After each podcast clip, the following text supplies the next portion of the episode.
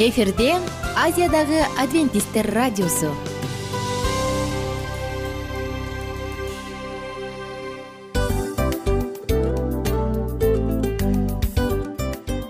Достор салют. Баардык сүйүктүү угармандарыбызга салам айтабыз. Кутман күнүңүздөр менен. Ден соолук өмүрдүн булагы демекчи саламат саамы программасында баарыңыздарды көргөнүбүзгө абдан кубанычтабыз. Анда алгач амандашып өтөлү арбаңыздар деп. Ден соолугуңуздар кандай элибизде көбүнчө ден соолук кандай дегенде эле жакшы деп жооп беребиз э? ооруп турсак дагы жакшы дейбиз. Анан мен муну айтып ойлойт элем бул абдан сонун сөз депчи анткени бул жакшы деген үмүт да э баары жакшы болот. Баары сонун. Деп үмүттөнүп атып эле өзүбүздү өзүбүз дарылап коебуз.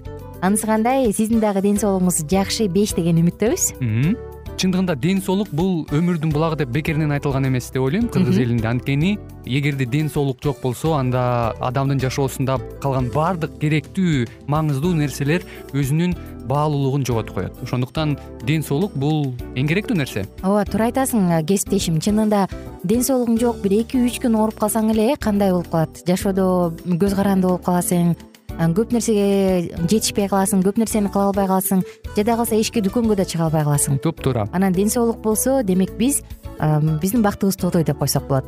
Анда достор саламат саамы рубрикабызды баштайлы. Алдыда өзүңүзгө керектүү болгон сонун кеңештерди уга аласыздар. Мына ошондуктан биз менен бирге болуңуздар. Ал эми биз болсо милан жана айнура.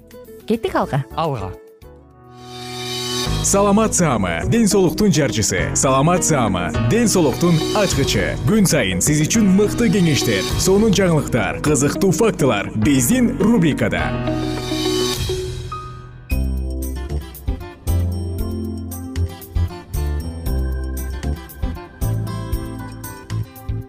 Кутман күн жалпы угармандарыбызга сагынычтуу салам. Жана сиздер менен саламат саама рубрикасында бүгүн колдор жөнүндө сөз кылабыз достор ишенесизби бизде көп толтура адаттардын үймөсү бар. Бирок биз колдорубуз кандай кыймыл кылат ошол учурда маани бербейбиз. Ар бир адамдын колу бул өзгөчө анткени колу жок болсок биз өзүбүздү толук кандуу эсептей албайбыз өзүбүздү мындай саламаттуу адам катары көрө албайбыз туурабы. Мына ошондуктан бүгүнкү адамдын колу жөнүндөгү программаны сөзсүз калтырбай угуңуз. Анткени эң сонун маалыматтар бир гана сиздер үчүн айтат. Жаңырат адамдын колуна жакшылап карап отуруп ушул колдун ээси анын мүнөзү анын эмнеге кызыгаары жөнүндө.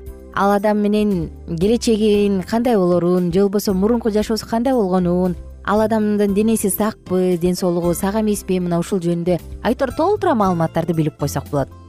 А сиз болсо угарман өзүңүздүн колдоруңуз жөнүндө билгиңиз келеби? Эгер ооба болсо анда биз менен бирге болуңуз адамдын колдору таң калыштуу жөндөмдөргө ээ болгон укмуштуу система. Баарынан биринчи бул ийиндин муундары. Ал колубузга ар кайсы тарапта кыймылдаганга жана эң чоң амплитудаларга да созгонго жардам берет. Андан кийин бул далы. Анын булчуңдары эң күчтүү. Булар эки баштуу бицепс жана үч баштуу трицепс булчуңдары. Билек күчтүү жана туруштук бере алат. Анан ийилчээк ийкемдүү келген кырк муун. Баарыбыз билебиз э кичине бала чакта катуу таянып алып же болбосо кичине жабыркатып алганда апам мага чүпүрөктү суулап туруп байлап берип койчу эле да ушул кырк муунга. Анысы кандай кырк муундун дагы мааниси өтө зор. Булардын баардыгы кол чоң диапазондогу кыймылдарды жасай алыш үчүн гармонияда жана макулдашууда бирге иштеп келишет. Эми достор андан ары уланталы биздин колдорубуз эң көптөгөн толтура тапшырмаларды аткарышы керек. Ал чачты да тараш керек жуунуш керек үй да жыйнаш керек кир да жууш керек баланы да караш керек иштеш да керек. Айтор баардык нерсе колубуз аркылуу өтөт. Кошуласызбы мына ошондуктан ал абдан күчтүү ийкемдүү шамдагай болгону жакшы. Биз болсо ушундай э, ийиндерибиздин бар экенине көп учурда маани бербесек керек бирок ийиндерибиздин баардыгы кандай чоң бакыт дал ушул ийиндин жардамы менен биз көп нерсени колдорубуз аркылуу жасай алабыз мындай деп коюшат достор. Кол бул мээнин уландысы деп. Анткени кол менен мээ бул сонун пара сонун түгөйлөр. Кантип мээ башкарып айтат кол аны жасайт. Алар болсо жаратат мээ менен кол адамды эркелетет айыктырат тилекке каршы кээде талкалайт урат жаракат алып келет. Кол менен сылайбыз кол менен кучактайбыз кол менен биз толгон толтура иштерди жасайбыз. Ошондуктан кол жана мээ бул эң уникалдуу анатомиялык мүнөздөмөлөргө ээ органдар. Эми достор андан ары уланталы эгерде сиздин колдоруңуз эми болушунча күчтүү болсо машыккан болсо колуңуздун ден соолугу саламаттыгы жакшы боло турган болсо анда сиз жүрөк ооруларына жүрөк кан тамыр ооруларына жана дем алууга байланыштуу ооруларга чалдыкпайсыз мына ошондуктан күнүгө колго көнүгүүлөрдү жасап туруу маанилүү. Кандай көнүгүү бул отжимание отжиманиянын толтура түрлөрү бар мына бул отжимание жалпысынан денени мээни кислородко канды кислородко байытат. Демек остеохондроз аритмия жана жүрөк ооруларынын баардыгынан алыс болосуз.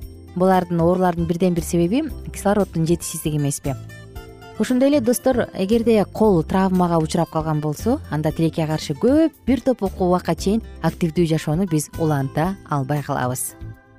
Колдордо көбүнчө шишиктер көп деле кездешпейт кол кандай кыйынчылыкка дуушар келет ал травма алат же болбосо сезгенет же суук тиет мына ошондуктан келечекте эгерде сиз колуңуздун дайыма саламаттыгын каалай турган болсоңуз суук тийүүдөн сезгенүүдөн жана травма жаракат алуудан аны сактаңыз.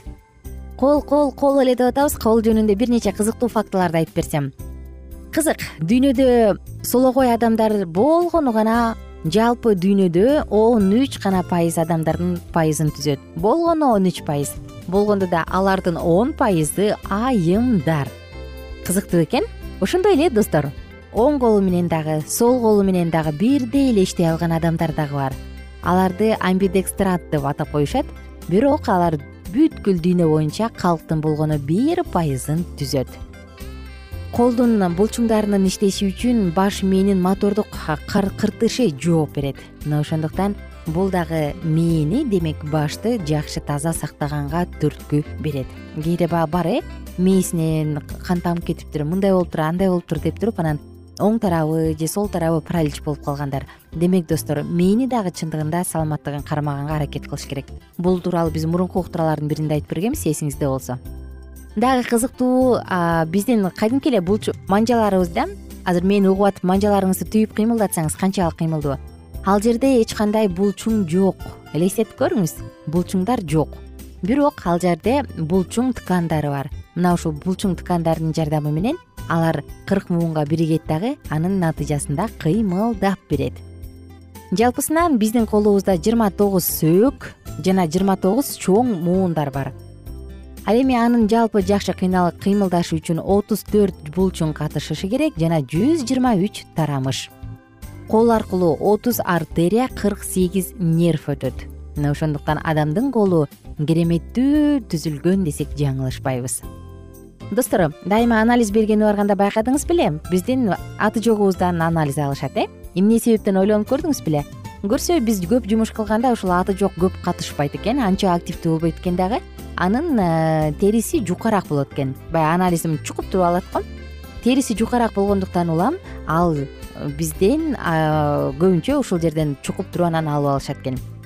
А эмне себептен чыпалактан албайт? Бул жөнүндө сурап көрдүңүз беле. Көрсө чыпалак биздин билектерибиз менен түздөн түз байланыштуу болгондуктан жана ал жака инфекция кирип кетсе дароо канга кошула тургандыктан көбүнчө бизден дайыма дейинчи чыпалактан анализ алышпайт экен кийинки дагы кызыктуу фактылардан бир нечесин айтканга аракет кылайын. Убактыбыз өтө аз калды тилекке каршы.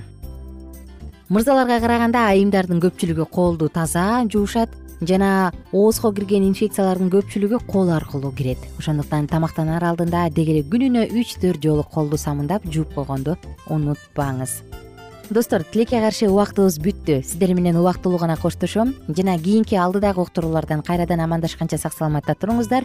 Кызыктын баары алдыда эгер оорубайм ооругум келбейт десеңиз анда биздин уктурууларды калтырбаңыз.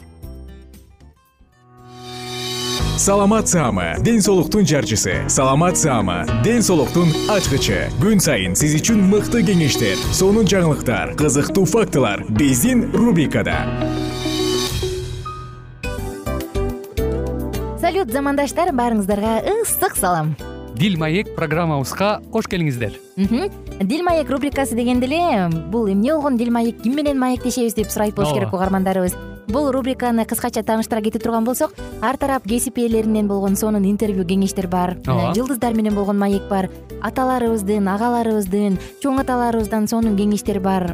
Ошондой эле эже сиңдилердин кеңештери бар айтор. Баардык кызыктардын баары алдыда. Негизи эле адам баласы бир кимдир бирөөнө ишенип сырын ачкысы келет эмеспи э мындай баарлашууга жакын келебиз го. Албетте негизи бир жерге отуруп алып кенен шашпай баягы жүрөктөн жүрөккө ачып сырларыбызды ар кандай көйгөйлөрүбүз менен бөлүшүп баягы чын жүрөктөн маек курганды кимибиз сүйбөйбүз э? Ооба десең ал нерсеге суусап да келебиз да. Ооба кээ бирде адамга чындыгында баягы э, ысык маек баягы жылуу маек жетишпейт да. Ошондуктан биз ушул рубриканы ойлоп тапканыбызда эң биринчи эле достор сиздер менен чын жүрөктөн бир маңыздуу темаларды козгоп кеткени э, кааладык. Ошондуктан ушундай сонун бир рубриканы тартуулап жатабыз. Анын үстүнө радио дагы сонун дос да анткени э, мындай учурда досуңа айтсаң досуң досуна айтат досу досуна айтат да анан бүт өлкө билип калышы мүмкүн го. А радио болсо сени сатпаган сенин айыбыңды ачпаган сенин сырыңды эч кимге айтпаган сонун дос мына ошондуктан биздин алдыдагы айта турган кеңештерибизди биздин досторубуздун кеңештерин угуп анан ал жака пикириңизди дагы калтырып кайрадан биз менен байланышсаңыздар болот. Деги эле жашооңузга эгерде кичине болсо дагы өзгөрүү алып моралдык жактан нравовалык жактан сонун бир кеңештерди алсаңыз демек биз максатыбызга жеттик. Ооба. Чыңгыз атабыз улуу жазуучу э, чыңгыз айтматов айткандай адам болуу бул күнүмдүк процесс экен. Күн сайын адам бойдон калуу бул адамзатка эң эле кыйын дейт э? э эң кыйын дейт. Чындыгында бунун э, негизинде адамдын эң баягы сапаттуулугу адамдын э, адамгерчилиги жана көптөгөн керектүү нерселер. Мына ошол темалар дагы бизде ушул дил маекте биз аларды да козгойбуз ден соолук жөнүндө да сүйлөшөбүз. Сөзсүз түрдө анан милан мырза негизи айтып коюшат го. Биз көбүнчө эмнени ойлонсок ошол нерсеге карата иш кылабыз го. Ооба. Анан анысы кандай? Балким бул радио баракчада кимдир бирөөнүн оюн текшергенге жардам берет кимдир бирөөнүн жүрөгүн текшергенге жардам берет. Балким кимдир бирөөгө жашоонун маңызын тапканга жардам берер. Айтор кызыктын баары алдыда бул жөн гана кыскача жарнама анда угармандарыбыздын баардыгын кийинки рубрикабызга чакырабыз. Ал эми кызматта маңдайымда отурган кесиптешим милан жана мен айнура. Анда эмесе биз даярдаган терең терең ойлор менен таанышууга кеттик. Алыс алыс баралык. Анда эмесе достор биз менен бирге болуңуздар. Алдыда эң кызыктуу маалыматтардын баардыгы бир нече мүнөттөр бою жалгыз гана сизге арналат мына ошондуктан жакшы маанай менен угууну каалайбыз. Үн алышканча жөнөдүк. Ар түрдүү ардактуу кесип ээлеринен алтын сөздөр жүрөк ачышкан сыр чачышкан сонун маек. Дил маек рубрикасында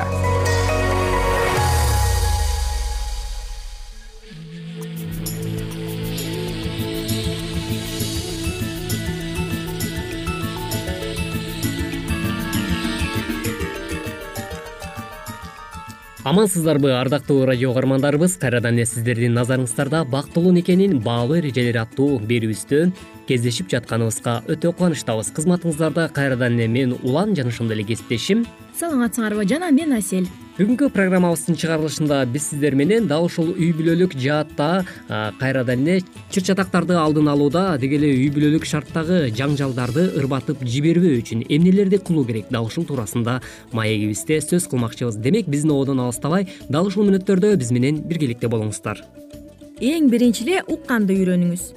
Урушту түгөйүңүз баштап калса унчукпай отуруп аягына чейин сөзүн бөлбөй укканга аракет кылыңыз жыйынтыгында ал сизди эмне себептен урушуп жаткандыгын толук билесиз. Эгер түгөйүңүз болбогон эле жерден ачуу калтырып кыйкырып жаткан болсо сиз демиңизди ичиңизге басып жай айтып түшүндүрүүгө аракет кылыңыз. Албетте мындай эрежени колдонуу менен сиз бактылуу никенин негизин түптөгөнгө чоң салым кошкон болот экенсиз ардактуу айымдар жана мырзалар. Демек бул айтылган кеңештер сиздин жашооңузда орундала берсин деген тилек менен маегибизди уланта бермекчибиз негизинен өзүбүздү колго алууну үйрөнүшүбүз керек экен. Мисалга таң атпай түгөйүңүз жумушка кетип жатканда тамактануу учурунда конокто отурганда уруш баштабоо керек. Эгер уруш башталып кетсе өзүңүздү колго алып эмоцияга алдырбай унчукпай калуу зарыл. Себеби эркектер көпчүлүк учурда өзгөчө конокто тең туштарынын жанында аялын башкарган киши катары өздөрүн көрсөткүсү келет демек мындай шартта ардактуу айымдар сиздер дагы өзүңүздөрдү колго алып э, конокту узатып ийгенден кийин өз алдынча отуруп анан өзүңүздүн жубайыңыз менен ошол учурдагы болгон маселе туурасында акырын бир сүйлөшкөнгө ыңгайын тапсаңыз болот экен. Э, элдердин көзүнчө урушуунун бул өзү акылсыздык болуп саналат экен. Демек э, бул нерсени дагы урматтуу жубайлар жана ошондой эле сүйүктүү досторубуз эске аласыз деген ойдобуз жолдошуңуздун көзү менен караганды үйрөнсөк болот экен. Бул сөз чектен чыга кызгангандар үчүн деп айтсак жаңылышпайбыз. Жолдошуңуздун ишин такыр түшүнө албай жатсаңыз болгон окуя жолдошуңуздун көз карашы менен караганды үйрөнүңүз. Ал кабылган окуяны сизге сүрөттөп берсин. Бул учурда сиз эмне кылмак элеңиз? Ошондо гана чырдын түбү кайда жатканын түшүнөсүз адатта демек мындай шартта урматтуу түгөйлөр сиздер э, бири бириңиздер менен ушул көз аркылуу сүйлөшүүнүн дагы э, кандайдыр бир жолдорун жашооңузда өздөштүрүп алган болсоңуз анда ар кандай маселеде конфликттердин алдын алганга жакшы бир мыкты каражатты колдонгон болуп саналат экенсиз. Демек бул нерсени өзүңүздүн жашоо турмушуңузда жана тиричилигиңизде сөзсүз түрдө тажрыйба катары колдонуп көрүңүз үй бүлөдө эч качан кемсинтүүгө жол бербеңиз. Бирге түтүн булатып жаткандан кийин эч убакта бири бириңиздерди кемсинткен сөздөрдү айтпаңыздар.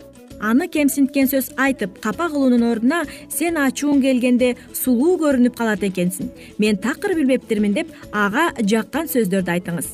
Урушуп жаткан түгөйүңүз аргасыздан жылмаят чындап эле үй бүлөлүк жашоодо баягы эки жубай бири бири менен түтүн булатып никелик жашоодо өмүр сүрүп жаткан соң бири бирине карата кандайдыр бир э, дене мүчөлөрүндө болобу же болбосо өң келбетинде болобу э, кандайдыр бир э, кемчиликтерди айтуу менен биргеликте бири бириңиздерге карата ушундай маселени өөрчүтө бере турган болсоңуз анда сиздин никелик жашооңуздун түбөлүктүү болушуна кандайдыр бир тоскоолдуктарды жаратып калат экен.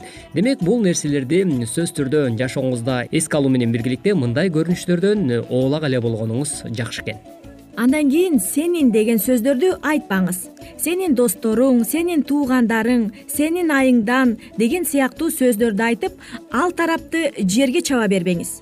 Бул сөздөрдү айтуу менен сиз бөлүнүп аларга боор тартпай жатканыңызды билдирип коесуз анын үстүнө эртең эле ал кабылган окуяга сиз кабылып калышыңыз толугу менен мүмкүн. Андыктан бул сөздөрдү такыр оозуңузга албаңыз чындап эле ардактуу айымдар жана мырзалар эркектер дагы жана ошондой эле айымдар дагы бири бириңиздердин үстүңүздөрдөн карата сен мындайсың сен тигиндейсиң сен минтип койгонсуң сен деле ушинтип эле жүрөсүң деген сыяктуу сөздөрдү колдонуу менен бири бириңиздердин көңүлүңүздөрдү гана оорутпастан демек бактылуу никенин э, баалуу эрежелеринде э, татыктуу турмуш куруунун ордуна тескерисинче өзүңүздүн никелик жашооңузду кандайдыр бир талкалаганга чоң жол ачып жатканыңызды эч убакта унутпаңыз.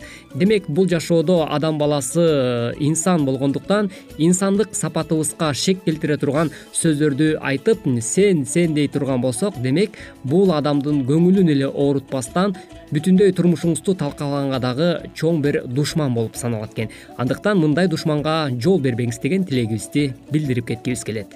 Акырында эмне үчүн сен эмне үчүн сен анттиң эмне үчүн сен минттиң деп ар бир эле ишти сөзү үчүн аны суракка ала бербеңиз. Бир айттыңыз андан кийин болду. Экинчи ирет кайталана берсе бул силердин кыжырыңарды дагы келтириши мүмкүн экен. Айтканыңызды торгойчосунан кайталай берүү менен анын өзүн коргонуу эрежесине да сиздин сөзүңүздү этибар албаганга үйрөтүп аласыз. Демек мындай сунуштарды жана ошондой эле кеңештерди сөзсүз түрдө эске алып өзүңүздүн э, өзүңүздүн никелик жашооңузду өзүңүздүн никелик жашооңузда туура татыктуу өмүр сүрүүнү уланта бериңиз деген тилегибизди айтуу менен биргеликте бизге бөлүнгөн убакыт дагы ушуну менен өз соңуна келип жетип калды андыктан ушул берген кеңештерибизди четке какпастан ар бир үй бүлө колдонсо мен ойлойм бул үй бүлө жакшы пайдубалдагы үй бүлө болуп саналат албетте ар бир айтылган кеңештер сиздин жашооңузда өзүнүн мыкты жемишин бере берсин деген тилегибиз менен бүгүнкү программабызды жыйынтыктап жатып жамандыктан алыс болуп жакшыга жанаша бериңиз деген тилекти билдирүү менен биз сиздер менен коштошмокчубуз. Ардактуу радио кугармандар кайрадан эле биз сиздер менен бактылуу никенин баалуу эрежелери аттуу берүүбүздөн кезиккенче сак саламатта болуңуз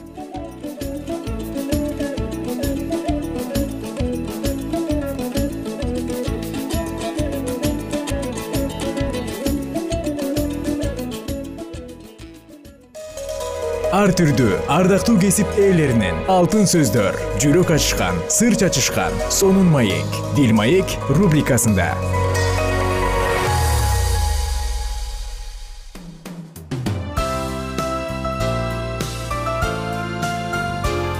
Эфирде азиядагы адвентисттер радиосу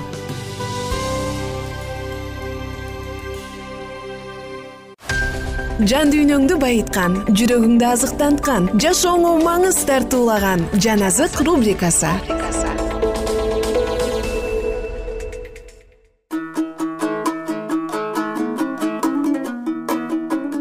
Саламатсыздарбы достор? Айымдар жана мырзалар жан азык уктуруусунда куткарылуу тарыхы китебин улантабыз. Биз менен бирге болуңуздар.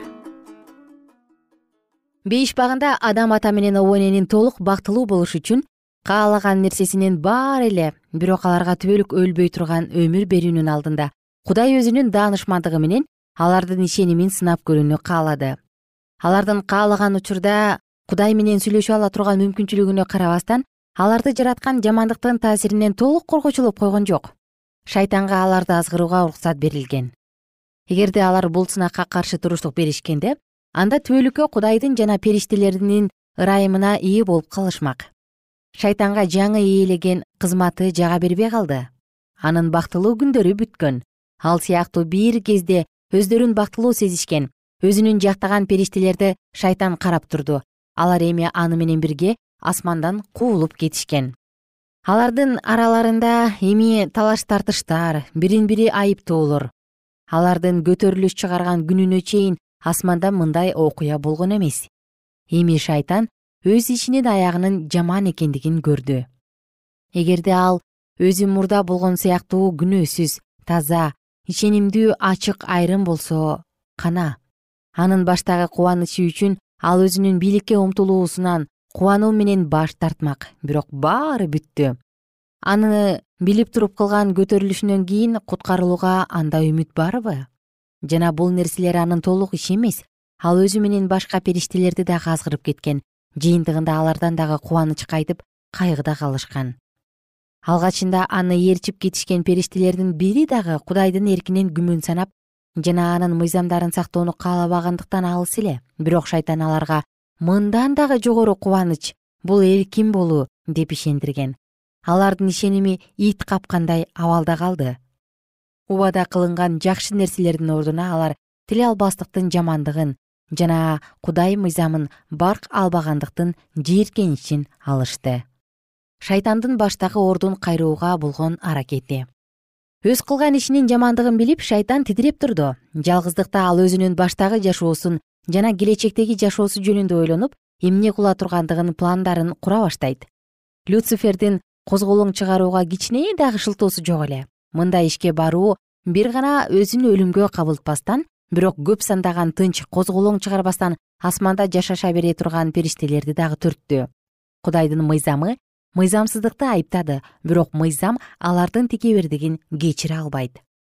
Люцифердин абалы кудайга анын даанышман жана адилеттүү мыйзамдарына карата болгон сүйүүнү көбөйткөн жок. Качан шайтан кудайдын сүйүүсүнө ээ болбой калгандыгын толук билгенде анын ачуусу жана көрө албастыгы өтө ашынып кетти мындай чоң козголоңдун акыры жаман боло тургандыгын кудай жакшы билген. Шайтан асман периштелерине кудайдын бийлигин жактырбай жаткандыгын айтып жеткирүүнү каалагандыгын жана ал үчүн ар кандай ыкмаларды айлакердикти колдоно тургандыгын дагы билген. Кудайга ишенимдүү периштелер менен бирге боло туруп албагандыктан шайтан алардын асман дарбазаларынын жанында күтүп жүрдү жана качан алар андан чыгып киришкенде шайтан аларга куйтулук менен күлчү болду шайтандын бул кылган иштери үчүн асманда орун жок болуп калганда болгон күчүн колдонуп адам ата менен обо эненин бактысын талкалап кудайга каршы чыгарыш үчүн аларды аңдып жатты. Адамдарга каршы иш жүргүзүү. Шайтан өзүн жактаган аскерине адам ата менен анын жубайы обо энени кудайдан күч менен тартып алууну каалап жаткан планын айтат. Эгерде алар адамдарды кудайга тиле албастыкка сала турган болушса күнөөгө баткан адамдар менен бирге алар дагы кудайдын ырайымына жана кечиримине ээ боло ала турган мүмкүнчүлүк боло тургандыгын жарыялайт. Эгерде бул план иш жүзүнө ашпай турган болсо анда алар адамдар менен биригишет. Анткени алар биринчи жолу кудайдын мыйзамдарын бузуу менен өздөрү сыяктуу кудайдын каарына калышат. Кудайдын буйругун бузуу менен адам ата жана обо эне өз жаратуучусуна каршы козголоң чыгаруучу болушуп козголоңчу периштелер менен биригишмек жана аларга берилген бейиш багын басып алышып биротоло анда жашап калышмак. Бейиш багынын ортосунда турган өмүр дарагынын жемишинен жегенге мүмкүнчүлүк алышып алар кудайга ишенимдүү периштелер сыяктуу күчкө ээ болушмак жана андан аларды кудайдын өзү дагы кууп чыга албайт деп ойлошкон. Адам ата менен обо эне эскертүү алышат алгачкы жаратылган адамдарды мактап турган коркунучтан аларды сакташ үчүн кудай асман периштелеринин бардыгын чогултту асман жыйынында ишенимдүү периштелер бейиш багына барып адам ата менен обо энеге аларды матап турган коркунуч жөнүндө эскертип туруша тургандыгын туурасында чечим кабыл алынган. Периштелер аларга шайтандын козголоңу жана алардын асмандан куулуп кеткендиги жөнүндөгү кайгылуу окуяны айтып беришкен жана дагы периштелер аларга бейиш багынын ортосунда өсүп турган жакшылык менен жамандыкты билгизе тургандарак алардын кудайга тил алчаактыгынын жана сүйүүсүнүн белгиси экендигин түшүндүрүшөт. Ыйык периштелердин кубанычты жакшуу жашоосу кудайга толук ишенгендиктин аркасында болуп жаткандыгын айтышат. Ошондуктан алардын жашоосу дагы адамдардыкына окшош алар дагы кудайга тил алчаак болушуп бактылуу жашай алышат же кудайга тил албастык кылып өздөрүнө берилген жогорку орунду жоготушуп үмүтсүз кайгыга кабылып калуу эркине ээ. Алар адам ата менен обо энеге бир кезде өз даражасы боюнча бир гана ыйса машаяктан кийинки турган жогорку периште кудайдын мыйзамдарын аткаруудан баш тарткандыгын айтышты. Жыйынтыгында асманга согуш чыкты. Жана козголоңчу ал жактан куулуп кеткен. Аны менен бирге кудайдын ааламдагы бийлигине күмөн санаган периштелер дагы кубулашкан. Эми бул кубаланып кеткен козголоңчу азыр кудайга жана анын уулуна тийиштүү болгон нерселердин бардыгына айыгышкан душман болду.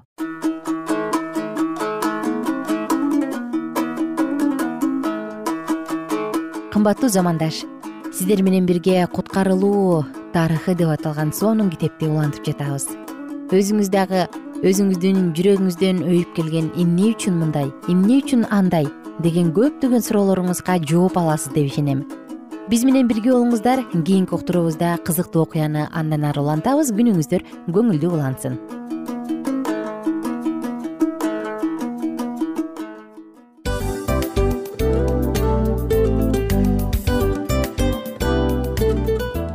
ушун менен достор программабыздын уктуруубуздун эң кайгылуу мөөнөтүнө келип жеттик.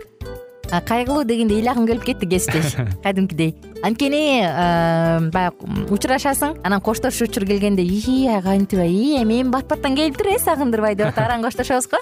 Анысы кандай угармандарыбыз менен коштошчу учур келди кийинки уктурууларды сагыныч менен жүрөгүбүздө кусалык менен күтөбүз жалпыңыздарды анан жарым сааттык уктуруу көз ачышым канча өтүп кетти. Сөзсүз бирок бизде жакшы кабар бар. Кийинки уктурууларыбызда сөзсүз дагы кезигишебиз. Анткени биз көптөгөн сюрприздерди кызыктуу маалыматтарды жана керектүү керектүү нерселердин көпүнчөсүн даярдадык. Андай угармандарыбыздын баардыгына ийгиликтүү күн каалайбыз. Эгерде бүгүнкү күнүңүз өзгөчө э, өтүшүн кааласаңыз анда позитивдүү ой жүгүртүп жылмайып жакындарыңызга жакшы маанай тартуулап жүрө бериңиз. Анткени сөзсүз түрдө мунун арты кайтат э? Сөзсүз. Баягы ден соолугуңа оңолот ал бул деп көп нерсени санап келебиз. Эң негизгиси бул сиздин жашооңузду жаркын кыла түшөт экен. Жараткан кудай ар бирөөңүздөргө батасын берсин жашооңуз ийгиликтүү болсун сак саламатта калыңыздар деп мен милан жана кесиптешим айнура. Баардыгыңыздар менен кийинки уктурууда үн алышканча. Баарыңыздарга ийгилик каалайбыз